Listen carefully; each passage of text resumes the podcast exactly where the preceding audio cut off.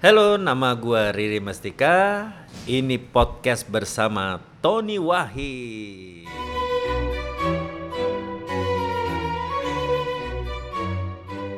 Assalamualaikum, hello teman-teman. Kembali lagi dengan podcast kopi bersama saya Tony Wahid, penulis dan pemilik web kopi cikopi.com. Sebagaimana tadi namanya sudah dikenalkan, ia sudah malang melintang di dunia DJ di Indonesia. Tapi sebetulnya bukan hanya dunia musik yang selama 20 tahun ia tekuni. Usaha F&B dan kini kopi termasuk jatuh bangun atau lebih tepat dikatakan gagal selama membangun bisnis. Ia jalani dengan sepenuh hati. Kapok? Enggak tuh katanya. Podcast selama satu jam lebih ini akan mengupas bagaimana ia membangun usaha kafe dan masuk ke dunia kopi. Lulusan sekolah perhotelan di Swiss ini tentunya sudah cukup kenyang dengan pengalaman hidup. Jualan mebel pun sudah ia lakukan. Kadang nekat, tapi mau mengambil resiko ketimbang tak melakukan apa-apa tentunya jauh lebih baik. Podcast ini dilakukan di Kopi 5 Detik, kawasan Tebet. Salah satu entitas bisnis yang ia miliki. Teman-teman sekalian, Coffeelicious Podcast. Gitu, kita ada di Kopi 5 Detik, kawasan Tebet, Jakarta Selatan. Bersama seleb yang Waduh. DJ Riri Mestika. Halo, halo, halo. Halo, halo, halo, halo, halo. Senang banget kita bisa podcast ya hari ini tanggal berapa sih, Ri? Akhirnya. Waduh, kalau tanggal itu Ah, agak, ah. agak ya maklum lah kita udah tua nggak tahu Betul. tanggalan udah pensiun Ah, 10 Desember. 10 Desember Hari pahlawan. Hari pahlawan Salah ya. salah makasih udah menyediakan waktu Eh, kita tahu kesibukannya luar biasa tapi masih menyediakan waktu buat podcast oh udah lama kita pengen podcast sama seleb satu ini Aduh. Tentunya ini akan banyak bermanfaat untuk ngasih insight kepada teman-teman di podcast. Bukannya apa-apa. Banyak orang kopi itu yang agak-agak nyeleneh dalam tanda kutip. Arsitek jadi di kopi, di segala macam profesi ada masuk di sana. Dan mereka kayaknya tambah asik dan ya udah betah sih sebetulnya. Udah betah di Swiss ngambil hospitality sekolahnya. eh tahu-tahu jadi DJ. Tapi gimana awalnya? Eh, yang waktu di Swiss itu eh, ngambil hospitality bisnis berapa lama tahun berapa silakan Oke, thank you Mas Tony. Memang sih yang namanya pivot itu penting dalam hidup gitu. Bahasa kerennya pivot, bahasa kitanya sebetulnya banting setir.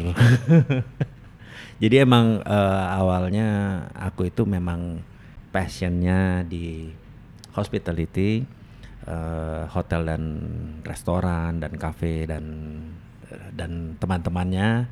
Jadi memang ngambil edukasinya juga di Swiss eh, apa hospitality management. Itu selesai tahun berapa tahun 9 96 terus meniti karir dulu di hotel beberapa hotel di di Jakarta, Surabaya, kemudian Krismon pindah ke Thailand dan eh, at that time terakhir aku itu asisten F&B manager di di Pattaya 540 kamar. Dari situ aku mikir oke ini beberapa step lagi bisa jadi GM tapi kayaknya kalau jadi GM tinggal placement 2 tahun kontrak, 2 tahun kontrak I need a bigger challenge gitu. Jadi memutuskan untuk oke pulang dan berusaha belajar sama keluarga terjun di apa di company furniture. Tapi waktu di Pattaya kesempatan itu kan terbuka lebar ya Eh iya tinggal F&B manager, F&B director, habis itu eh, mungkin eh, mulai placement GM eh, dan kebetulan karena karena bahasa jadi memang cukup dekat sama GM-nya karena dia orang Perancis gitu. Jadi kita kita cukup dekat lah gitu. Dan karirnya memang udah udah istilahnya tinggal di depan mata sih gitu. Eh, apalagi di Jakarta waktu itu masih krisis. Cuman ya udah panggilannya memang untuk balik eh, karena ya tadi aku melihat bahwa kayaknya kalau jadi GM em, uh, by contract dan dan apa ya kayak kayak kayak mercenary kita gitu setiap dua tahun kita harus uh, move all the stuff all the perabotan rumah dan lain-lain dan uh, hopping from hotel to hotel kayaknya uh, it will be a bit difficult to settle down gitu Memang repot ya. repot gitu Jadi, Jadi- diputuskanlah pulang ke Indonesia. pulang ke Indonesia kerja di perusahaan keluarga namanya Decorus Uh, itu apa uh, Decorus itu bergerak di uh, retail home furnishing mm, dan juga di projects kayak uh, apa uh, airports uh, sitting sitting public sitting uh, area dan kita membawa beberapa brand uh, dari mana? Dari Eropa gitu. Along the way aku akhirnya placement di pabrik untuk eh, apa un- eh, untuk ngejagain pabrik pabrik eh, pabrik panel. Tapi di saat yang bersamaan tuh memang memang apa bikin album. Gitu. Karena mulai nge DJ juga gitu. Jadi udah bikin album dan karirnya juga di weekend karirnya kayaknya lebih lebih lebih pesat nih gitu. Akhirnya oke. Setelah tiga tahun kayaknya udah stable eh, oke ya eh, mulai bekerja bukan bekerja lagi akhirnya mulai eh, wira swasta. Gitu. Tapi sebelum kita masuk ke dunia DJ, Hmm. waktu itu kan di hotel itu hospitality hospitality business. ya Masuk ke family business ya itu bidang yang sangat berbeda. ya Furniture. ya Adjustmentnya bagaimana tuh? Ri? waduh gerah banget jujur sih gerah banget gitu Biasa berpakaian Eh, rapi. Biasa di apa ya istilahnya di di big man, eh, big corporation di mana kita emang udah punya punya SOP yang jelas, punya job desk yang jelas. Sini oke, duduk manis, eh jualan. Nah lo, Pokoknya lu mesti jualan. jualan. Sedangkan jualan biasanya jualan makanan yang yang apa ya istilahnya price is not the problem sekarang harus jualan furniture yang harganya aduh ini mahal banget dalam hati juga kok gue suruh jualan barang yang mahal banget gue aja ngerasa itu mahal gitu akhirnya nungguin diskon dan beli sendiri Tapi memang itu high end produk ya. Iya, iya. Kebetulan memang eh, ibuku eh, apa mem- membawa eh, represent produk-produk yang cukup eh, apa eh, apresiasinya tinggi, kebanyakan designer pieces gitu. Mhm. Ibunya jadi eh, punya talent scout untuk seni yang sangat tinggi sekali. Betul. Dan betul. itu runs into family sehingga Iya. kita masuk ke dunia DJ ini. Weekend Heeh. pada saat tidak bekerja Iya. mulai masuk ke dunia DJ. Betul, dari tahun 2000. Bu. Sebetulnya sih aku nge-DJ itu udah dari 90 mm, ya 93 lah ya. Dari jadi waktu sekolah pun udah jadi udah udah jadi troublemaker karena bikin party terus sih. gitu. Teman-teman sekalian, Animal Yes. Party ada di sebelah saya. itu sejak sekolah di Swiss atau Iya, iya.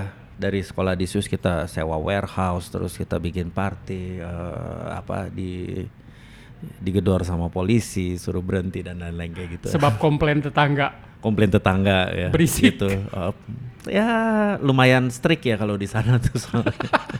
nggak ada izin. Oh, nggak ada nggak ada Jadi langsung aja party. tapi emang tempatnya buat di eh, tempat di rental gitu jadi mereka udah bilang ini jagain dB-nya ya dB meternya karena mereka kan Decibel strict ya. ya, decibel meternya nggak boleh lebih tinggi dari ini tapi yang namanya udah malam kita kerasin polisi datang gitu Tambah lama kan tambah panas ya, Ri. betul Nah, tapi Ah. di eh, Ri, keterampilan DJ itu kan nggak setiap orang punya nih. iya Ah, misalnya gesek-gesek eh, piringan hitam, mengatur beats, Ah. eh, tone dan lain sebagainya. Itu awalnya gimana tuh? Ya sempat ada sekolah kecil ya kayak kursus gitu terus eh, habis itu ya emang eh, learning by doing gitu. Sekarang kita ketem eh, waktu di Prancis ketemu teman DJ dari Inggris akhirnya main jadi hook up sama dia. Em, transfer the knowledge terus kita ya tukar pikiran tentang tentang uh, music collection kita segala. Nah, emang itu sih uh, apa ya uh, sambil jalan kita sambil memperbaiki gitu karena memang uh, jam terbang yang paling utama buat buat jadi DJ yang baik jadi itu. DJ atau jadi apa pun barista juga. apa pun itu semua jam terbang tapi waktu itu hmm. pertama langsung nge-DJ di sekolah udah langsung udah langsung di mana-mana dan gitu. itu disambut uh, bahwasanya lu DJ yang bagus lah untuk sebuah party di sekolahan ya memang udah jadi kalau ada yang mau uh, ada acara apa pun ya music operator, music directornya pasti saya gitu. Uis. Emang udah udah dikenalnya sebagai itu ya buat buat uh, cari popularitas lah di sekolah. Pada saat sekolah itu bisa menghasilkan uang nggak jadi DJ di sana? Uh, kalau weekend memang yang lain party uh, akunya sih udah udah langsung kerja di bar dengan musik apa pun gitu. Jadi uh, uh, sebagai part timer gitu. Memang memang uh, passionnya di situ jadi ya uh, easily uh, blend sama orang-orang di sana gitu untuk oke okay, lu lu butuh ini gak but bar lu kayaknya butuh butuh DJ tambahan gak gue bisa backup gitu oh ya oke okay, boleh itu selesai bayar gitu lumayan lah gitu. lumayan ya uh -uh. bisa jadi penghasilan lumayan buat tambah-tambah oh. sampai akhirnya sih beberapa klub gede yang akhirnya me, me, membuat line up utama segala gitu ada juga klub-klub yang emang uh, bukan di bar lagi gitu mainnya gitu. Cuman itu kan memang apa ya uh, terjadi dengan dengan dengan waktu gitu. Karena kita udah uh, apa karena sempat aku balik dulu gitu malan pushing the the DJ karir sebentar terus balik lagi untuk ngambil uh, bachelor hospitality-nya. Malahan ada beberapa kontrak yang harus main waktu di Swiss. Oke weekend harus dipanggil ke Malaysia. Ya udah berangkat ke Malaysia dulu. Senin udah sekolah lagi gitu. Sebetulnya sih uh, kalau dari keluarga tidak ada yang ber, bermusik secara serius gitu. Tapi keluarga memang semuanya pengusaha gitu. Jadi emang usaha sendiri. Jadi lu aja yang punya apa menonjol di seni ini? Uh, sebetulnya juga mungkin lebih kayak apa ya usaha di musik aja gitu. Kepepet dan hobi ya? Jadi emang emang hobi dan bisa dibilang gitaris gagal lah gitu. Karena SMA main gitar, punya band dan lain-lain. Cuman begitu mikir oke okay, ke Swiss, aduh masa nyari band lagi di sana gitu. Belum bawa ampli, bawa gitar. Ya udah tuh biarin di Jakarta daripada ini jual-jualin kita beli beli beli alat DJ. Jadi bisa individual karena kan ya namanya di Eropa kita berteman juga pelan-pelan kan gitu. Apalagi, alat DJ yang dibeli apa tuh, Ri? Ya ya turntable turntable. Sama sama mixer gitu terus sama PA-nya PA-nya pakai speaker rumahan karena buat di buat di apa di kamar aja kan. Cuman akhirnya mulai mulai waktu itu masih Perancis karena setahun dulu di Perancis gitu. Ya udah mulai collecting friends from uh, apa uh, network DJ, ya DJ gitu. Akhirnya eh boleh gak bikin party di di kamar gue ya? Boleh. Bawa-bawa alat rame-rame pindah-pindah gitu. Dalam satu ruangan itu berapa orang yang ikut party? Wah, bisa 15 gitu. Berisik kan? Berisik, tapi emang dulu di waktu di Prancis tuh di student dorm gitu kan ya udahlah gitu. Oh, enggak seketat yang waktu enggak. di Swiss. Nah, habis itu kan baru ke Swiss. Nah, kalau di Swiss itu emang benar-benar strict nggak bisa gitu. Kalau ada party baru karena emang apa ya? Negaranya lebih jauh lebih teratur sih gitu. Dan ya ibaratnya ada ada asap gitu itu pasti langsung fire department uh, link langsung datang langsung ke kamar kita. Gitu jadi nggak berani kita macem-macem. Dan polisi datang wing wing wing iya udah pasti semua gedor. gedor langsung. Itu bahaya banget deh udah nggak main-main. Tapi nggak masuk penjara kan? Nggak. Cuman peringatan. Nggak. Oi berhenti. Tapi ya di sana sih kalau itu peringatan polisi pasti gitu. Hmm. Tegas banget ya mereka. tegas. Mm. Nah, tapi kalau di dormitory waktu di Perancis agak lebih bebas ya. Bebas, bebas, bebas kalau itu. ya namanya juga student ya. Mm-mm. Karena emang kayak perkampungan pelajar dan memang eh, ada yang lebih senior yang jaga kayak gitu. Tapi emang ya kalau ribut-ribut party-party nggak apa-apa. Gitu. Mm. Nah, di Swiss eh, kalau kita boleh kembali lagi ke sana, Mm. party satu bulan bisa berapa kali tuh? Wah, nggak nggak nggak nggak sering lah kita belajar. Cuman kalau kerja waktu itu sempet sampai eh, ya tiap minggu eh, kerja di bar tuh eh, pernah gitu untuk untuk earnings. Kalau kalau ada special party ya mungkin kalau di sekolah kita bikin party paling setahun ya tiga kali gitu mungkin Halloween eh, terus ada akhir tahun kayak gitu sih. Dunia malam itu kan buat gue ya hmm, menyenangkan. ya Ah, bisa sampai jam berapapun. betul. Ah, alkohol, betul. Musik, betul. Ah, ya dan yang lain-lainnya lah. iya. Apakah itu tidak mengganggu kuliahnya waktu di Swiss? kalau kita tahu diri sih enggak ya gitu. Karena emang tujuan eh, tujuan kalau aku ya sekolah itu emang based on my passion juga. Jadi ya yang dipelajarin juga masak yang dipelajarin ya ya tentang wine tentang anggur eh, all the vineyard apa yang harus dihafalin terus ya eh, learning all the terms di apa di culinary gitu terus belajar service dan lain-lain. Itu ya ka- kalau kita do it with passion ya easy lah gitu. Cuman memang kalau weekend ya kita beda mindset apalagi orang sana bandel-bandel semua kan Di Swiss sana. iya bandel-bandel jadi ya udahlah kita ngikut-ngikut aja ikut arus gitu Sangkain ikut aturan juga. Nyatanya banyak juga yang bandel-bandel. lebih bandel mereka Heeh. oh jadi hospitality bisnis itu tidak terbatas sama servis saja ya. Jadi Iya. lu belajar masak juga. belajar semua ya. tentang wine dan lain Iya, sebagainya. iya. Berapa dan, tahun itu? dan belajar tentang kopi pastinya Oh iya. iya. Di sana dipelajari juga. diajarin. Totalnya tiga setengah tahun. Kalau di Indonesia dipelajari nggak kayak di NHI gitu? and hai pelajarin. Iya kalau tapi ka- kan kalau di sini tuh ada penjurusannya. Yang aku ngerti sih gitu. Ada yang ngambil manajemen berarti general semua. Ada yang eh, apa spesifik untuk kitchen sama ada yang buat front atau untuk eh, rooms jadi memang memang ada specification tapi kalau di sana most of the school ya general gitu misalnya oke ada guru guru apa eh, guest teacher dari CIA beneran beneran yang eh, apa chef beneran gitu kayak gitu Ahli sangat ahli di bidangnya, Ahli ya. bidangnya. Disampaikan dalam bahasa apa? Kalau di kelas? Em, jadi emang itu eh, sekolahku tuh biling eh, bilingual ada yang disampaikan dalam bahasa Prancis ada yang dalam bahasa Inggris gitu cuman lama-lama ngambil mendingan yang Inggris habis itu have fun Tapi lu bisa bahasa. Prancis. sedikit-sedikit bisa Seksi itu bahasa. wah bener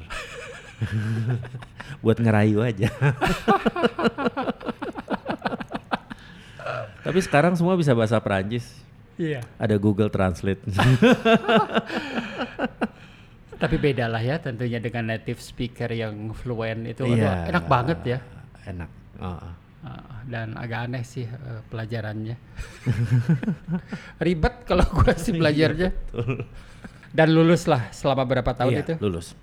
Lulus, habis itu mulai kerja di hotel ya. Yang tadi di Pattaya itu ya, sampai di sana sampai ya? di sana gitu. Sehingga kembali ke Indonesia jualan mebel. Jualan mebel sambil buat album. Dan album itu yang membawa ke lu lebih dikenal kan di Indonesia saat iya, itu. Iya, saat itu juga belum ada yang buat album sih dan eh, konsepnya DJ bikin lagu itu masih belum belum terlalu masih mengagetkan lah gitu. Tapi sebetulnya aku itu ada sahabat namanya Thomas, Thomas Ramdan. Dia basisnya Gigi. Jadi eh sama satu lagi ada almarhum Andre Ciling. Dia drummernya Bung Lon. Jadi emang lingkungan aku itu banyak musisi musisi juga gitu di sekeliling. Di mana eh mereka full support banget untuk untuk ngajarin eh bikin album tuh kayak gini. Waktu itu belum zamannya bikin single, jadi harus album gitu. Oke, bikin dua lagu jagoan tapi harus tetap ada 10 dan lain-lain gitu diajarin. Akhirnya kita masuk beneran ke studio eh ya as a person yang udah nyemplung nggak tanggung-tanggung jadi dan juga melakukan bisnisnya udah pasti nungguin sponsor. Dapat ada sponsornya oke kita bikin album. Kalau nggak ada sponsor nggak mau. Untuk biaya produksi ya? Untuk biaya produksi dan touring gitu. Habis itu langsung tour. Ke berbagai kota di berbagai kota kita di Indonesia. iya kayak gitu. Jadi itu dari ya otak bisnisnya deh. Gitu. gimana caranya harus cuan kalau kata anak sekarang. Iya dong. iya gitu. Baru cari distribution distribution label lah, baru cari. Tapi emang udah udah ada isinya gitu. Terjadilah album gitu. Dan cukup bingung sih orang kok DJ bikin kalau sekarang udah biasa gitu. Oke DJ bi- rilis eh, single. Normal. Kalau waktu itu agak aneh gitu dan eh, kita mulai mainin lagu kita sendiri. Kebetulan mulai bikin hits. Dan akhirnya kita pertama kali mulai nembus radio. Kemudian mulai belajar oh ternyata kalau radio harus ada radio edit. Which is a shorter version of the song gitu. Jadi kita harus cut cut supaya di play sampai habis. Gitu. Kalau enggak kalau kalau versi DJ itu kan panjang-panjang Berapa lama ada sepanjangnya intro, biasanya? ada outro bisa. Kalau dulu tuh kita bikin lagu bisa 7 menit, 8 menit gitu. Kalau dipasang di radio intronya aja akhirnya ditutup. Oh gitu. Iya, lama banget di lagu ditutup aja deh gitu. Jadi emang penyesuaiannya itu emang nggak ada nggak ada nggak ada modelnya dulu. Jadi emang ya udah tabrak langsung aja. 7-8 menit buat radio itu udah kepanjangan ya. Betul. Jadi akhirnya kita bikin radio edit. Tapi kalau sekarang sih eh, produser itu memang bikin lagu ya udah tiga menit. Udah yang radio edit itu karena emang it has to be instant like eh, udah udah semuanya udah harus instan gitu. Hmm. Jadi bisa dikatakan lu adalah sebagai salah satu pem- eh, pionir Hmm. seorang DJ yang membuat album di tahun di era itu Iya, iya. dan jejaknya diikuti sampai saat ini sama teman-teman yang lain tentunya. Kira-kira begitu. Iya. Gue selalu mengatakan siapa pun presidennya pasti orang ingat nomor satu Soekarno. Iya, betul. Oke. Dan mendapatkan beberapa award Iya. untuk album-album yang sudah dikeluarkan. Iya, jadi ya ya kalau kebetulan community-nya memang growing banget gitu ya dari tahun 2000 sampai sekarang. Iya.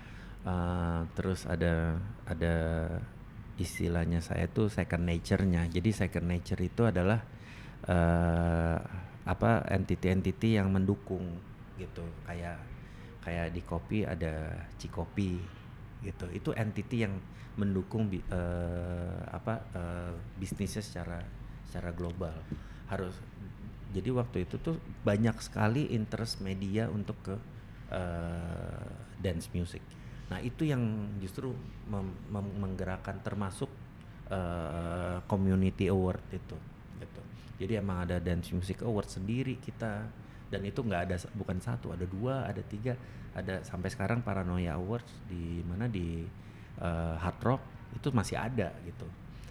Paranoia aja masih inget party at no limitation gitu. Nah itu sampai sekarang masih masih relevan gitu eh, terms itu dan dan apa eh, itu yang mendukung dan membuat kita juga eh, bangga gitu sama award award yang kita dapat dari our own community sama misalnya yang yang eh, beberapa yang di luar misalnya AMI Award gitu. Eh, waktu tahun 2007 gue dapat best eh, dance eh, track itu AMI Award. Kemudian 2009 atau 2010 dapat eh, best dance track untuk Indonesia Cutting Edge Music Award. Oh, kalau yang di dance music wah itu udah banyak banget gitu. Eh, pernah back to back eh, best DJ terus paranoia pernah dua kali juga eh pernah sekali gitu terus eh, Redma Music Award juga pernah dapat lumayan banyak sih. Wis, mantap. Pertanyaan selanjutnya adalah Mhm. kalau lu nge-DJ rekor penonton atau partisipan yang ikut dalam sebuah party berapa Iya. banyak tuh? Waduh bingung tuh dibilangnya. Yang Tapi biasanya kan banyak banget ya. banyak sih kayak eh, di Indonesia tuh waktu itu Jakarta Movement itu lumayan 10.000 ribu. Wow. Dream aduh namanya aja udah lupa deh. Itu juga lumayan besar di GWK Eh, kemudian Zook Out di Singapura 50.000 ribu atau 60.000 ribu tapi di stage-nya yang aku main aduh nggak paling berapa orang sih tergantung stage-nya juga gitu. Kalau kadang-kadang kita wah ya 50 ribu tapi stage kita kosong gitu. yang datang orang Indonesia aja yang party-party yang kenal kita. Itu di Singapura ya. ah di iya gitu di Singapura. Sama waktu yang gede sih waktu aku main bar eh, di F1 party itu bareng sama sama Underworld sama Samantha Ronson segala sama siapa sih eh, Will I Am kayak gitu-gitu itu itu lumayan banyak Sebuah stage, Hmm. lighting, musik bergila banget itu Hmm, volumenya. Mm, Dan lu naik panggung Hmm. melihat penonton yang begitu banyak. mm. Apa perasaannya Eh, pada saat memulai menyapa mereka? kadang-kadang nggak nyapa kan itu urusannya MC Jadi lu langsung hantam saja. makanya aku tuh kurang kurang jago bicara Tapi kan itu salah satu keahlian DJ tuh. Eh, iya tapi nah itu susahnya gitu kita makanya kalau disuruh ikut kompetisi IBC IBRC nggak berani nggak bisa ngomong Jadi setelah dikenalkan MC langsung aja main. Iya, Biasanya. tapi emang apa ya kita ya itulah emang how to communicate without microphone gitu. emang nggak gampang, nggak gampang ya. nggak gampang. Kadang-kadang kita juga kalau kita udah ngerasa kalau udah bisa istilahnya hypnotize sekian banyak orang itu ya emang rasanya kayak matiin lah matiin kita matiin aja kita dengerin mereka. Tapi sejak beat pertama mereka langsung goyang atau Tergantung sih memang. Ya, Tergantung ya. ya kayak misalnya di kita apa aku itu 20 tahun Jumat Sabtu ya muter terus di Indonesia gitu. Pernah ngitung setahun naik pesawat tuh 150 kali. Terus eh, gigsnya itu pernah dihitung 120. gila. Jadi udah aduh eh, half of my life eh, selama 20 tahun itu ya emang di pesawat dan di di di di hotel jadi Di hotel dan di venue tempat party. di venue tempat partinya Itu gitu. aja bolak-balik ya. Iya padahal cuman performance-nya paling satu jam satu setengah jam sampai dua jam max gitu. Kadang-kadang ada yang lebih yang kalau lagi seru ya minta lima jam gitu. Kuat dari 5 jam. Kadang-kadang. Stamina kan itu butuh. Iya, dulu pernah juga karena zaman dulu pernah naik-naikan. Oke, berapa jam? Berapa jam? Ah, apa sih ini jam-jaman gitu. Kekuatan fisik ya udah kita kerjain aja yuk, yuk gitu. Akhirnya kita bikin 29 jam nonstop. nonstop ya udah, untuk mecahin rekor. Tapi di 9 lokasi. Wow. Dan 20 tahun itu belum menyentuh kopi. Aku itu pernah lima tahun nggak minum kopi. Waktu itu masih ngerokok. Jadi pernah ngerokok, minum kopi, terus kayak kok agak sesek nih gitu. Since that day, itu waktu masih di Swiss. Kayaknya gara-gara kopi nih, gitu. Jadi stop minum kopi. Kemudian mulai minum kopi lagi 2010. waktu itu aku ada gig di Seattle, main di Seattle. Uh, wah, ini dia nih Starbucks pertama di dunia. Pike Place ya. Uh, masa nggak minum kopi sih gitu. Masuk ke sana, minum kopi, terus ya namanya di mana di Seattle itu memang uh, kota di Amerika yang menurut aku kota itu bau kopi banget sih. Uh, every corner ada ada Seattle Coffee atau atau Starbucks. Mereka emang dua brand besar di sana kan. Wah, nggak mungkin nggak ngopi terus ngopi sepanjang visit kita di sana. Ya udah, since then balik ngopi lagi. Dan pada saat itu tidak ada efek negatif sama tubuhnya? Nggak ada nggak ada dan ya ya jatuh cinta sama Starbucks jatuh cinta sama sama latte uh, walaupun dari 2008 itu aku udah uh, bikin satu usaha namanya barcode sampai 2011 dan di situ kopi kita nggak ngerti ajak derby Derby Sumule. Nah. Halo Derby Sumule. Ajak Derby Coffee War bilang, Derby tolongin gua, gua mau kopi enak di tempat gue gitu. Dan Derby mau menolong. Mau nolong. Dia mau nolong, uh, pinjemin mesin kopi, tiga grup kalau nggak salah dikasih listriknya bilang Derby ini listriknya buat gede banget nih lima ribu. Gue bayarnya lumayan nih gitu. Gak kira-kira dia minjemin mesin tiga grup ya? Tapi tapi impresif banget sih. Iya. Impresif banget. Uh, sampai sekarang gue masih inget lah gitu rasanya. Uh, kopi di di tempat di tempat aku di barcode dari Coffee War thank you banget ya. Thank you Derby. Derby Sumule. Pernah podcast sama dia sebelumnya sih. Iya. Iya. Uh, dan jagoan, dari situ jagoan. Oh, jagoan, jagoan. dan agak-agak nyeleneh sih kalau kata gue. Gak apa-apa biarin. Tapi itu orangnya asik. Iya. Iya, asik sih dibawa ke barcode waktu itu? Iya, dibawa ke barcode ya. Sampai selesai kita memang masih kerjasama sama Derby kemudian barcode-nya selesai aku bikin resto bar apa namanya Lulo. Uh, konsepnya godok sendiri waktu itu. Bikin uh, all day breakfast menu dari dari mana mana dari mancanegara lah gitu. Jadi memang fokusnya di di menunya kerjasama sama satu chef uh, sama bar sama bikin bar.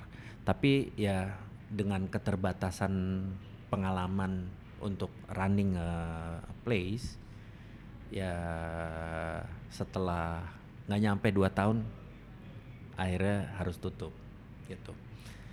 At the same time aku juga bikin fine dining restoran namanya Madeline di apa di uh, di tempatnya 89 sekarang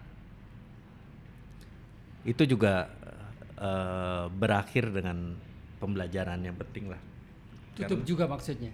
Tutup, tutup karena waktu itu banyak uh, banyak partner, um, semua punya winning formula, um, dan pricing kita memang mungkin a little bit too high. Makanannya enak banget, chefnya jago banget, uh, dan dia juga karirnya setelah setelah meninggalkan kita makin keren dari situ aku bilang oke okay, kita buat coffee shop. Semua orang harus bisa minum kopi ini. Okay. semua orang harus bisa afford our coffee. Lu nggak kapok tuh? Hmm? beberapa kali tutup. Uh, membuat konsep lagi yang lain. Jawabannya it's in my blood. Never quit ya. Ah Iya, semua itu kan lukisannya yang kita buat. Mau hitam mau putih itu lukisan. nanti apa jadinya apa gimana? Ya nanti aja gitu gimana jadinya. Cuman konsep untuk tetap berusaha itu itu konsep hidup aku. Jadi jangan kalau sudah gagal ya udah ya. Eh, gagal itu emang eh, delay of eh, Setuju. Setuju. Uang sekolah kan itu. uang sekolah banget. Banyak uang sekolahnya. Tapi bagus itu sebuah sikap yang tentunya positif buat Hmm. teman-teman. Kalau gagal kayak lu tadi bilang Hmm. yaitu lukisan hidup kita sebetulnya. Betul. Ya. Kesuksesan yang mungkin Tertunda. nanti akan didapatkan. Tertunda.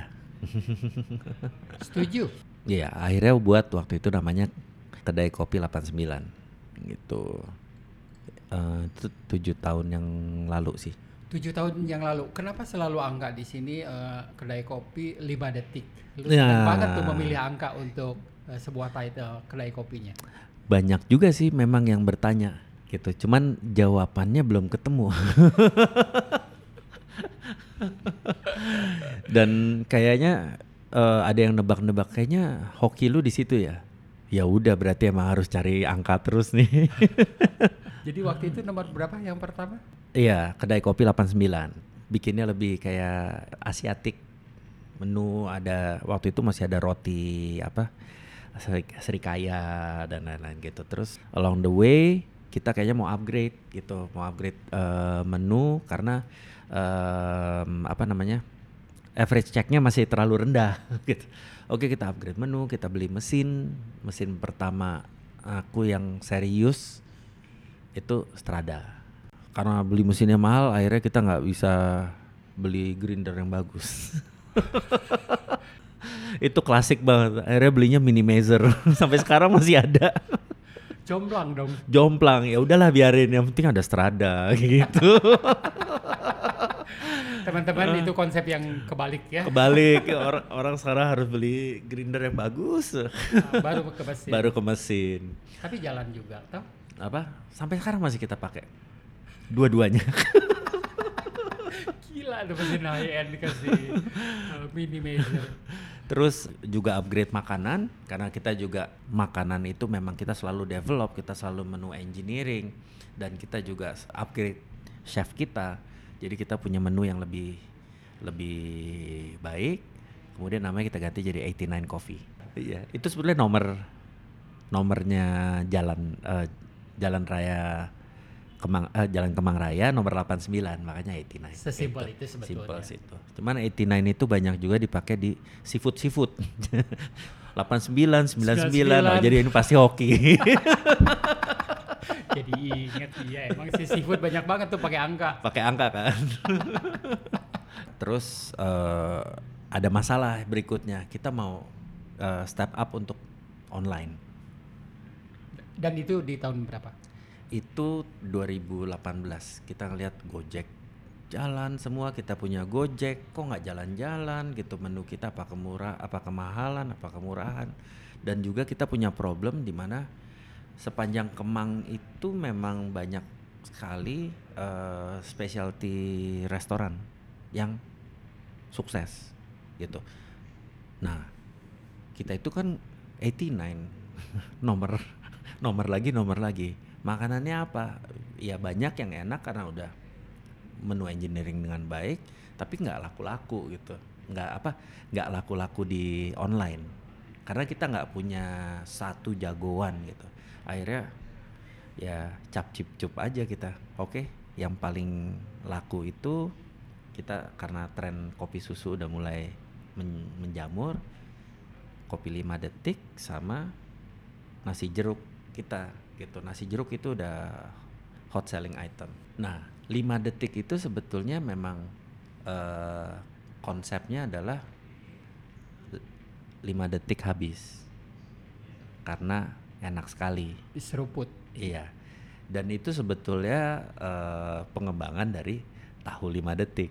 Nah, kita ada satu produk snack lagi, tahu 5 detik yang sebetulnya itu cuma buat meeting. Bikin tahu eh, di apa sih? Tahu pakai pakai tepung terus dibikin chili garlic. Itu itu eh, memang aku sih yang doyan. Jadi bikininnya kayak gini, kayak gini, kayak gini, potong kecil-kecil terus buat meeting Buat camilannya buat cemilan pas lagi meeting jadi emang bukan menu untuk di kita jual tapi selalu setiap kali ditaruh di di mana di meja lima detik udah langsung habis itu tuh beli eh, apa pesen dong tahu yang lima detik habis itu. Akhirnya jadilah kita menu tahu lima detik kemudian kop- kopi susu. Oke kita mau buat kopi susu. Namanya apa? Udah kopi lima detik aja samain deh. Daripada susah-susah nyari nama. Kenapa? Lima detik habis juga pasti enak gitu. Bilang gitu. Jadi itu kopi susu gula aren betul ya terus eh, dari situ kita oke kayaknya kita memang harus membuat eh, satu apa satu entity baru untuk eh, jagoan-jagoan makanan dan minuman kita akhirnya oke kita buat eh, kebetulan ada teman yang punya tempat di Panglima Polim kita bisa sewa akhirnya kita bikin Panglima Polim eh, dengan nama Kopi 5 Detik Tapi dari pelajaran itu yang di 89 ya, Mm-mm. Ari, eh, lu bisa menyimpulkan bahwasanya mesti ada menu, menu jagoannya dulu.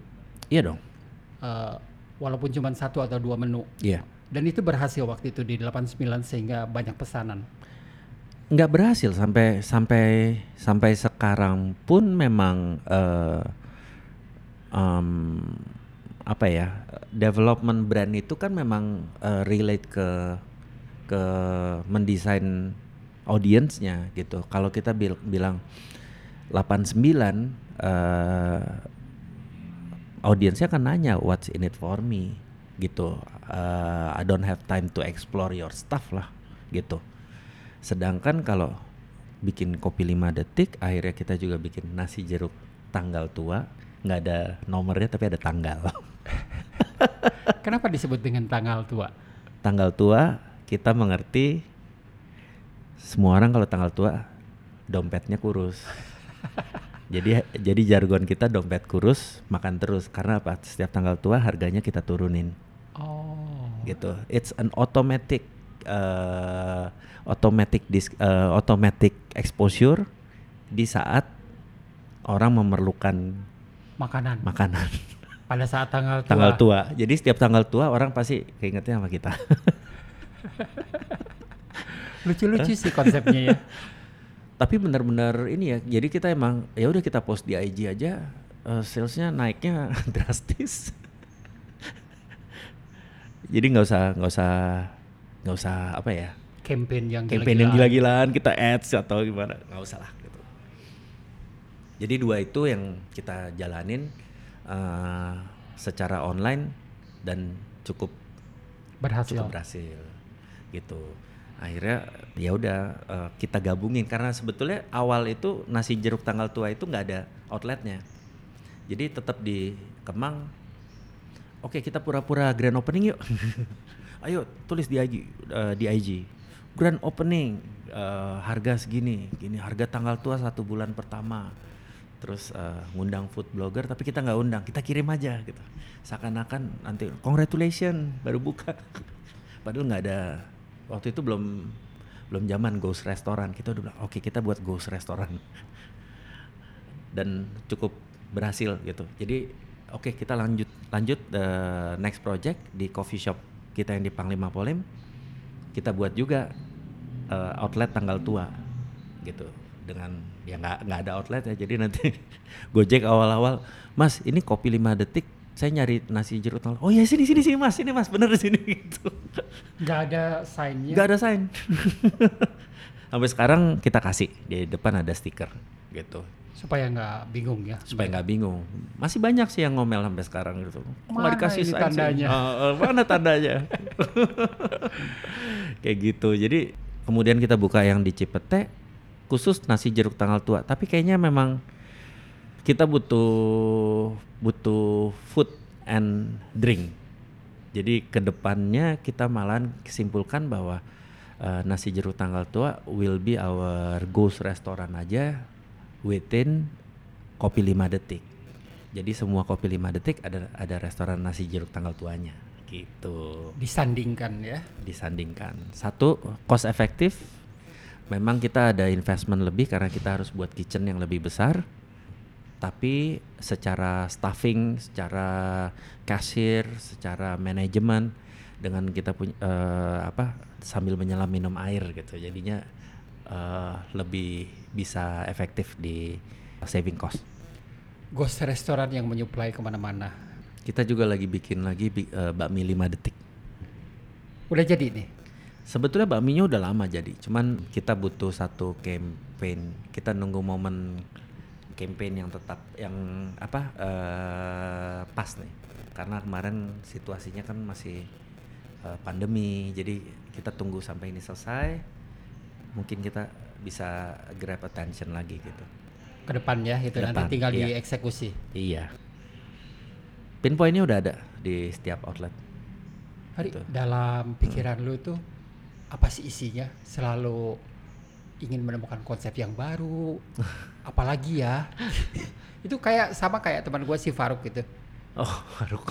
Faruk yang Good. iya, lu burger itu kan. Hmm. Wah, sukses dia. Kemarin baru di podcast baru dipublish. Iya. Dia selalu tidak berhenti katanya untuk pikir, gua apalagi nih yang bisa di develop. Ini sama kayaknya sama kayak lu ya. Walaupun sudah jatuh bangun, nggak kapok-kapok. sudah in your blood. Betul, betul. Tapi memang ada teman sih ngingetin. Lucu sih tebak-tebakannya dia sampai apa ya, Mas? Aku kaget juga. Dia bilang ada berapa hal gitu yang yang bisa membuat orang sukses itu jatuh. Wanita, dia bilang ada satu lagi. Kemudian yang terakhir itu bisnis. Gitu. Di saat kita sukses terus kita terus mengembangkan bisnis kadang-kadang itu yang bisa jadi bumerang juga buat buat kita dan em, aku juga sekarang setelah bicara sama temen itu oh kayaknya emang harus ada remnya gitu. Dan being realistic is number one gitu. Kadang-kadang kita kalau dulu masih muda gitu ah buat aja dulu urusan belakangan gitu kan. Jatuh buat lagi urusan belakangan kayak gitu. Cuman sekarang memang eh, semuanya harus eh, tetap kita lihat ini realistis apa enggak, visible apa enggak. Ya memang harus banyak di dipikirkan sebelum dijalankan gitu sih. Beda ya kalau semangat muda ya. Iya. Tapi dengan kesibukan berbagai ini pertanyaan Iya. klise sih sebetulnya. Hmm. Mengelola banyak sekali eh, entitas bisnis yang saat ini ada. Mm-mm. eh, pada saat dihadapkan lu sama eh, kebutuhan keluarga. Iya. Eh, dunia restoran F&B itu kan kadang-kadang tidak mengenal waktu. Seringkali kayak gitu. Betul. Nah, itu gimana tuh, Ri? Eh, Nah. sama anak, misalnya sama istri. Eh, Itu- lu kok sibuk banget sih? Gitu. Betul. Aduh. Pernah diprotes sama mereka? Ini berarti sejam lagi kita curhat nih. Asik. Silahkan. Wah kalau diprotes sih udah pasti ya gitu dan apa apalagi apalagi rumahnya kan dekat. Aku sama di Kemang juga. Jadi sering colongan pulang gitu. Walau, walaupun di saat pandemi ini kalau colongan pulang lucunya harus mandi gitu. Jadi mandi dulu. Mandi sebentar habis itu per, eh, cuman setengah jam ngeliatin ngeliat anak gitu. Bercanda sama mereka karena karena istriku juga kerja tapi kerja dari rumah juga ketemu begitu dibilang oke harus pergi lagi nih. Hah? Kok pergi lagi? Kok sebentar aja? Kok ini? Gitu. Mulai nggak ada yang mau sal nggak ada yang mau salim lah apa segala di aduh gitu. Tapi ya untungnya masih mobile jadi masih bisa setor muka di saat mereka bangun. Itu yang paling penting sih gitu. Kalau udah malam pulang kadang-kadang aku jam 11 kadang jam 12 gitu udah tidur ya susah juga gitu kan. Ya masa dibangunin ya. masa dibangunin kita. Kadang-kadang ada sih yang masih melek langsung ajak bercanda dimarahin sama istri. Udah harus waktunya tidur gitu kalau sih diajak bercanda. Udah ah, ada yang bangun gitu malam-malam. Cuman ya emang ya eh, yang dikorbankan hari minggu.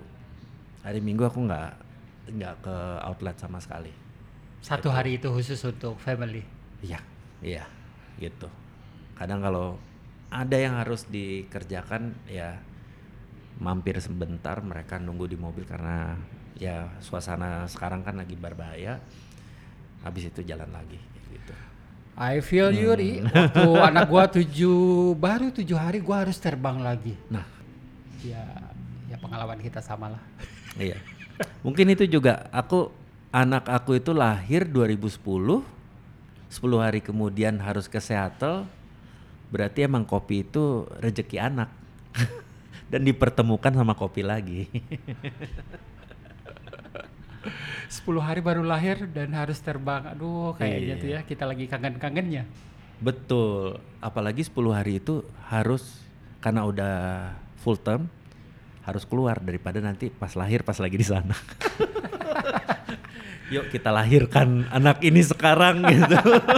Daripada lu gak sempat ngelihatnya lahiran. betul. Betul cuman emang dari si kopi 5 detik aku belajar banyak dan mulai menggali lebih dalam gitu. Di mana eh, roastery eh, lahir setel- setelah enam bulan berjalan dengan kopi 5 detik to have a better control di rasa sebetulnya Dan yang melakukan roasting kopinya adalah aku sendiri kan gue juga.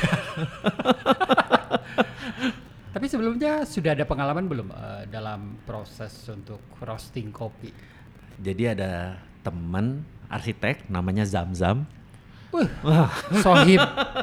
pasti Hello kenal. Zam-Zam. Nah, lo Get Back Coffee. Iya, iya. Iya kan. Zamzam itu dulu yang desain barcode. Jadi kita berteman dari zaman dulu. Eh, ya, sm- small world ya. Small word banget. Zam-Zam.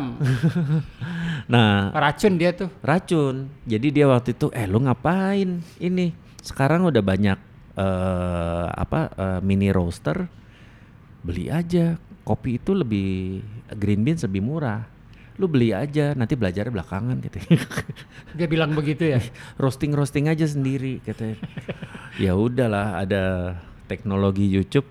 Lihat lihat lihat ya udah beli beli mesin beli mesin roaster itu udah lama banget udah dari 2018 apa 2000 eh eh, bukan dari 2016 cari source green beans yang ada di Jakarta aja gitu. Waktu itu ke mana sih? Ke JPW ya udah beli. Mereka punya banyak. Cuman emang roasting juga belum bisa. Gosong-gosong semua. Gitu. kalau belum keluar asap jangan berhentiin. Lucu-lucu ya pengalamannya ya. Oh, terus habis itu Mas Aang bin Gazem ham- sama apa? Tuh coffee beans datang eh cobain nih kopi gue. Itu malu-maluin deh pokoknya. Dia cuman oke gitu. Ya oke cuman udah udah nggak mau komen apa-apa dia gitu. Pasti nggak enak gitu sebetulnya. Cuman ya dari situ aku belajar bahwa oke kita punya uh, green beans. Tuh cuman mikir oke kalau Papua pasti lebih enak. Tanpa ada pengertian tentang uh, sensory dan lain-lain gitu. Karena nggak ada yang ngasih tahu Otodidak aja. iya otodidak di situ Atau lebih ke nekat.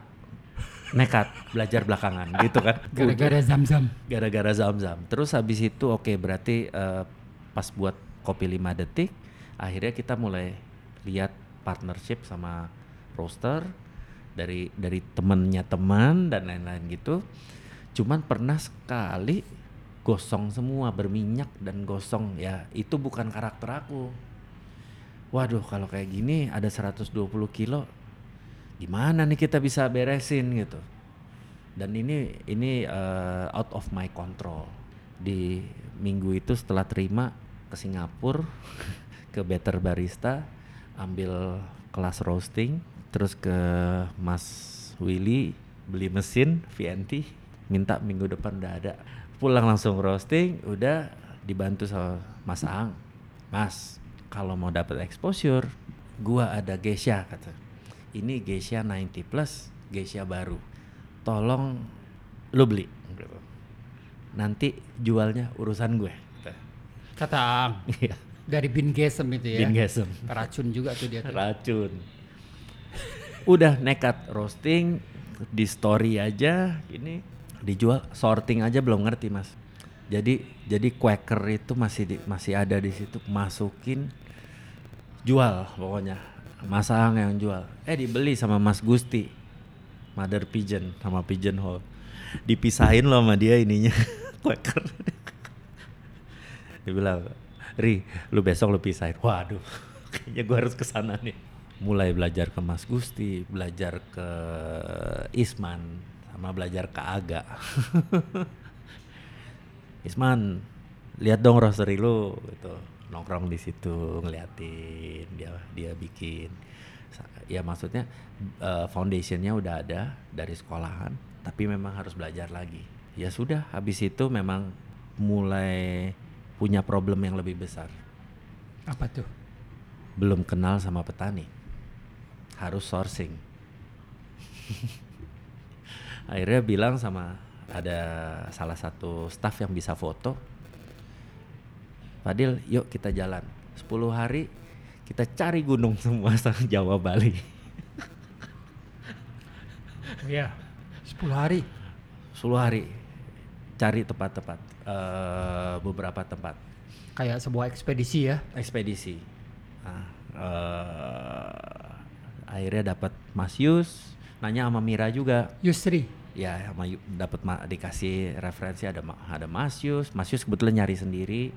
Terus ke siapa? Christian Batafor, eh, Karana Global, terus ke Mas Wayan Belanti, terus ke Temanggung ada ke desa-desa yang kebetulan mereka cuman petani apa cuman mem- apa menjual robusta tapi pen- pengen ketemu juga. Ya udah kita bikin trip. Datang ke mereka ngobrol sama mereka. Kemudian kita beli sampel dan akhirnya sampai sekarang kita menjalin hubungan. Selain itu aku juga kebetulan Mbak Mira lagi bikin acara Malabar Coffee Competition. Ada Aga, ada Resi, ada pokoknya uh, ada Miki. Tapi hari pertama nggak jadi nggak ketemu. Ada Isman juga. Ya udahlah kebun lagi. Ketemu sama Pak Yoga di Malabar. Menjalin hubungan sampai sekarang juga. Kayak gitu Bentar, itu beberapa kebun gua tahu itu eh, Hmm. naik ke kebunnya kan tinggi-tinggi, Ri. Lu pertama kali naik ke kebun gimana?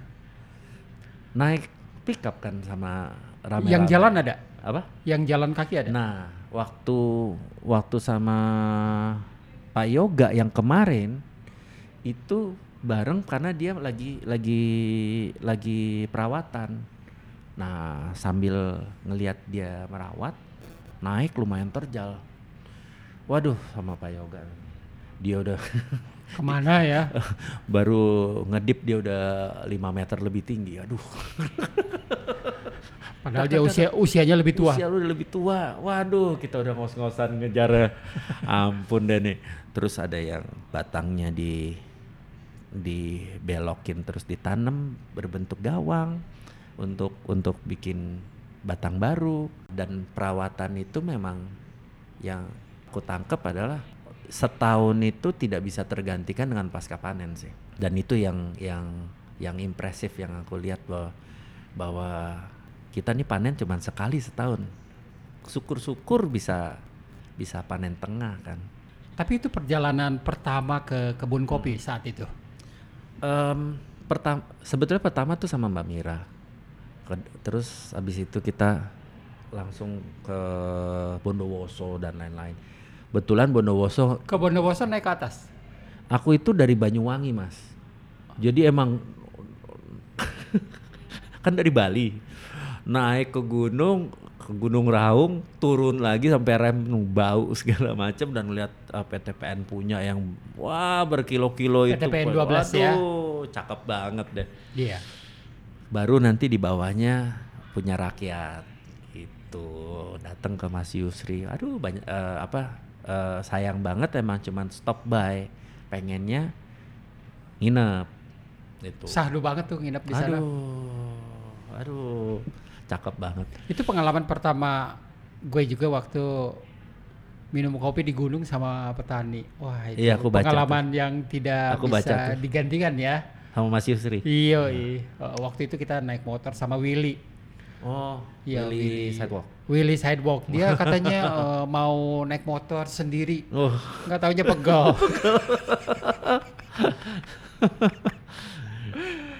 Hmm, iya sih. tapi bener. di di ini sih eh, ngebawa paling enggak tiga karung ya kalau mereka turun itu kan 180 kilo Iya. Dan nggak mudah jadi petani Eh, kalau ya. nggak tahu ya kalau kalau kalau cherry-nya satu karung berapa kilo aku nggak tahu tuh mungkin lebih berat ya atau atau lebih ringan tapi ya tiga karung jalan terjal buset Gila. gila suka ada rampok.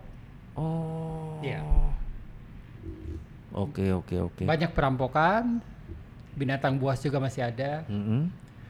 Ya jadi mereka sampai punya pengawal kok untuk bawa kopi dari atas sampai ke bawah. Waduh, emang iya sih ya. Iya. Sangar. Nah, habis itu tiba-tiba pernah dikasih teman nyobain Frinsa. Wah, cakep nih. Halo Bu, saya bisa datang nggak? Saya saya sudah jalan on the way nih. Tonya Bu Ati, Bu Atinya Pak Wildan. Datang ke sana kenalan lagi gitu terus eh, apa? Kenalan sama Pak Eko di Jakowik ikut juga ketem- apa visit ke mereka terus ya Gunung Tilu ya akhirnya memang jadi passion baru Ke kebun kopi ya. kebun kopi Iya. Eh, tapi kalau gua yang udah usianya nggak muda lagi ke kebun kopi dibawa aja sih, Ri. dibawa aja ya Iya, cukup memandang saja. Beda sih, masalahnya kan ki- eh, saya khususnya udah tahu ya. Ah, Ya kebun kopi kira-kira ya kayak gitulah. kayak gitulah Tapi ya. kalau untuk para pembeli kan beda. Mereka harus Hmm. melihat situasi yang ada di kebun kopi itu. iya iya Gimana kualitasnya dan lain sebagainya. Itu yang Betul. membedakan. Jadi kalau diajak ke kebun kopi naik motor hayu Tapi anyway silahkan dilanjut itu pengalaman ke Hmm. kebun kopi. Jadi benang merahnya apa yang didapatkan setelah kunjungan ke banyak kebun-kebun kopi? Eh, traceable source itu penting banget Baru kali ini nih gue dapat jawaban bagus. Traceability. soalnya ya bukan aja quality dari cup ya itu penting banget quality. Kita juga nggak kebun kopi kalau cupnya nggak enak. Kalau gitu. Betul itu udah udah pasti gitu. Ta- tapi dari situ kita bisa lihat seberapa terawatnya kebun-kebun itu dan juga kebersihan pastinya dan juga organik gak dan apakah mereka mendaur ulang sisa-sisa yang di apa sisa-sisa uh, waste-nya gitu. Dan juga memang knowledge-nya sebetulnya mereka juga udah sangat-sangat apa ya advance di sana gitu. Roasting udah jago semua udah gitu sekarang lagi berlomba dengan terms-terms baru eh, anaerob eh, carbonic maceration dan lain-lain. Ya itu aku juga masih mengeksplor malahan. Mungkin ada uh, baru belajar lagi ada yeast yang di spray pas lagi dijemur um, makin makin kita ke kebun kok bukannya oke kita udah kita udah istilahnya kita udah uh, udah bisa crack the the knowledge taunya malah ada ibaratnya aku tuh uh, problem baru. Sebetulnya ada yang dipelajarin lagi gitu. Pasca panen dan ini new headache Jadi mau masuk juga ke lahan itu. Tapi sebelumnya sebagai informasi teman-teman, Mm-mm. jawaban bagus dari tadi traceability itu asal muasal kopi. Jadi kita tahu Iya. kopinya betul-betul di kadang-kadang sampai ada koordinatnya malah. Hmm. Sampai segitunya sehingga orang bisa yakin bahwa asalnya ini bukan kopi oplosan. iya Antara yang dikirim dengan sampel itu kan kadang-kadang suka ajaib. iya betul Nah, tadi dibilang tentang pasca panen. Ini kan Hmm. hal yang berbeda lagi nih setelah kita masuk ke kebun kopi. Hmm. Mau masuk juga ke situ. Waduh. ya harus harus ngerti gitu. Harus paham Bukannya ya. harus kita belajar atau kita harus bikin project sih. Gitu. Kita udah cukup repot di sini. cuman cuman eh, apa ya? Kita kita perlu perlu kasih informasi sebanyak-banyaknya juga kan dengan eh, apa yang kita jual gitu. Kalau misalnya kita jual sesuatu yang eh, oke kita tulis eh, ini anaerob anaerobik eh, natural eh anaerob tiga hari sama dua hari beda banget loh gitu yang satu bisa uh, ripe, yang satu bisa uh, masih masih melik ya. Ya kita harus bisa bisa punya preference juga dan kebetulan aku memang tidak terlalu suka yang uh, overripe atau winey gitu. Jadi ya karakternya aku juga harus ada di si uh, coffee bag itu gitu. Bukan cuman bukan cuman kita tulis aja gitu. Kalau misalnya ada yang nanya, ini gimana sih? Aku bukan penulis tapi mudah-mudahan dapat copywriter yang bagus. Nanti mulai nulis deh. Ini kalau kalau kalau ada special uh, apa uh, proses kita akan tulis lebih banyak gitu karena uh, intinya ya kita mau kasih informasi sebanyak mungkin gitu sehingga mesti paham juga betul tentang proses pasca panen. Pasca panen. Ntar ditanya sama pelanggan hmm. anaerob itu apa sih nggak paham ya nggak paham lucu tuh Aduh Riri, lu tuh tapi uh, selalu ingin haus akan ilmu pengetahuan ya. Iya. Uh, dari masak memasak ke da di dapur hingga ke kopi ini kan udah dalam banget nih. Ya semoga bisa lebih dalam sih. Dan pengalaman uniknya yang tentang roasting itu gue bilang sih nekat ya. Sumpah itu nekat gitu. Geisa yang ada yang apa itu yang pecah dan lain sebagainya lu nggak iya. seleksi defect, lagi. defect nggak di nggak diseleksi itu sih kacau banget. Kadang-kadang bagus sih maju terus. Uh, dan untungnya yang beli itu uh, suportif gitu kayak Mas Gusti aduh thank you banget.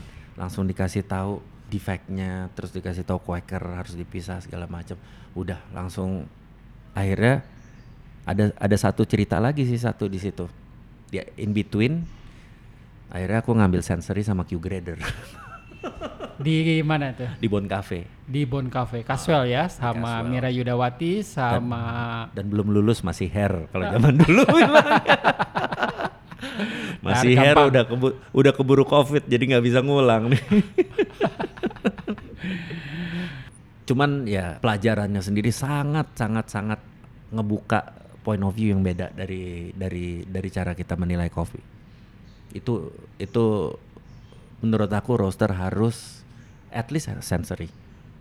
Gitu. At least. Bekal yang sangat penting, penting. untuk jadi roaster. roaster. Hmm. Tapi pengalaman lo luas banget, selalu haus akan ilmu pengetahuan, sedikit nekat, tapi dari situ justru uh, jadi banyak belajar. Iya. Uh, prosesnya uh, bisa tahu dari kebun sekarang mau masuk ke proses pasca panen. Menarik sih sebetulnya semuanya itu ya Ri ya. Nike just do it. Just do it. Ya uh, jangan diam aja di rumah. Tapi betul. kadang kalau gue suka nasehatin teman-teman mungkin kata gue ya orang itu kualifikasinya di bawah lo hmm. tapi dia bisa melakukan sesuatu itu lebih baik daripada lo yang diem. Betul. Betul Iya, dia melakukan sesuatu akan, dan berkembang. Akan catching up. Betul. Hmm. Uh, jadi lu sangat kreatif dalam membuka banyak peluang. Restoran udah di mana-mana. Sekarang masuk ke kopi. jago nge DJ pula. Aduh, aduh, aduh, aduh. Iya, apalagi sih sebetulnya ya dalam usia yang uh, 47 tahun kita nggak jauh beda sih sebetulnya. Yeah. Bohong banget itu. Setahun lebih muda nih Mas Tony. Yoi. Aduh, tapi planning ke depan masih di kopi dan uh, bisnis restoran? Um, atau juga Masih DJ sih. maksudnya? Um, kebetulan kalau kalau DJ ya memang dari tahun lalu sudah ibaratnya dikasih nggak uh, udah dikasih harga ngusir. Maksudnya? Di, dikasih harga tinggi supaya stop. oh iya, iya iya iya. Lu mau segitu ayo, iya, kalau nggak ya nggak iya. apa-apa.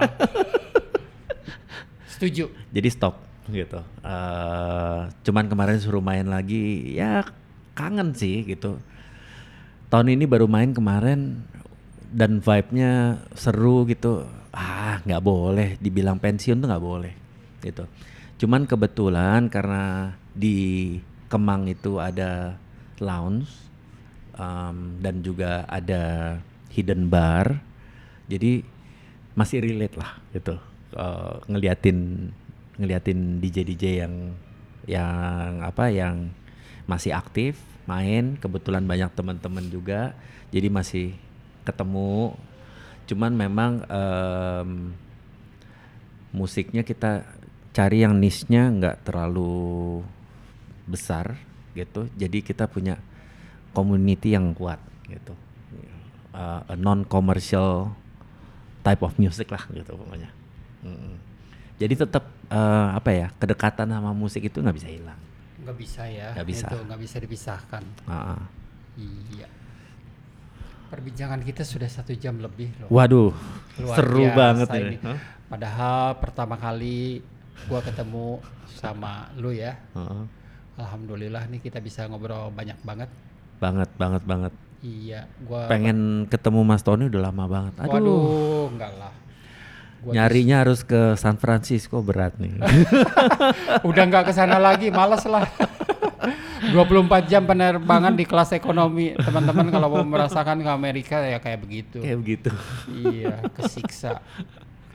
Eh, saya sangat mengagumi semangatnya saya sangat mengagumi kenekatannya buat teman-teman tentunya ini bisa menjadi inspirasi jangan takut untuk mencoba itu tapi jangan merah. terlalu nekat lu kan sangat nekat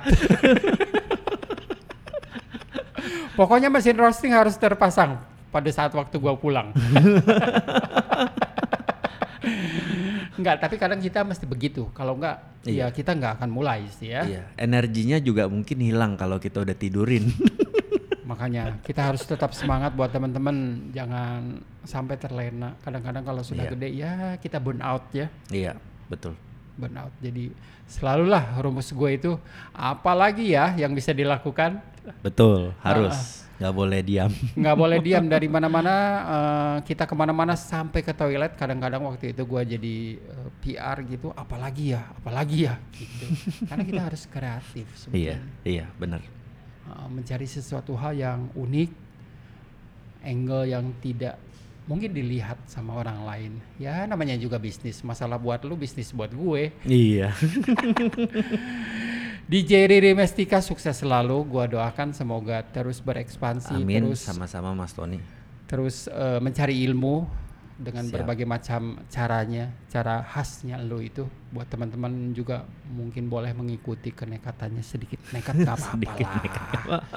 gitu. Emang podcast ini juga bikinnya nggak nekat, nekat juga sih. nekatnya tapi terarah ini semua alatnya udah suaranya kita jadi suara emas semua nih yang Wis, bisa ada di mantap. podcastnya Iya, Mas iya. Tony Kayak kita lagi di studio eh, studio Abbey Road. wah betul Ngimpi kali. Terima kasih dalam perbincangan di studio eh, di Kopi 5 Detik kawasan Tebet. eh banget terima kasih juga thank kerja you banget Thank you banget sudah menyediakan waktu kesibukannya selalu berekspansi kreatif selalu. Makasih Ari terima ya. kasih makasih Mas Tony Teman-teman sekalian, demikian podcast kita kali ini. Tentunya semoga bermanfaat atau setidaknya bisa membukakan wawasan tentang subjek yang tadi sudah kita diskusikan. Sebagai informasi, podcast ini bisa diakses melalui layanan musik Spotify maupun iTunes. Dan jangan lupa untuk tetap menantikan episode podcast lainnya. Tony Wahid pamit dan salam.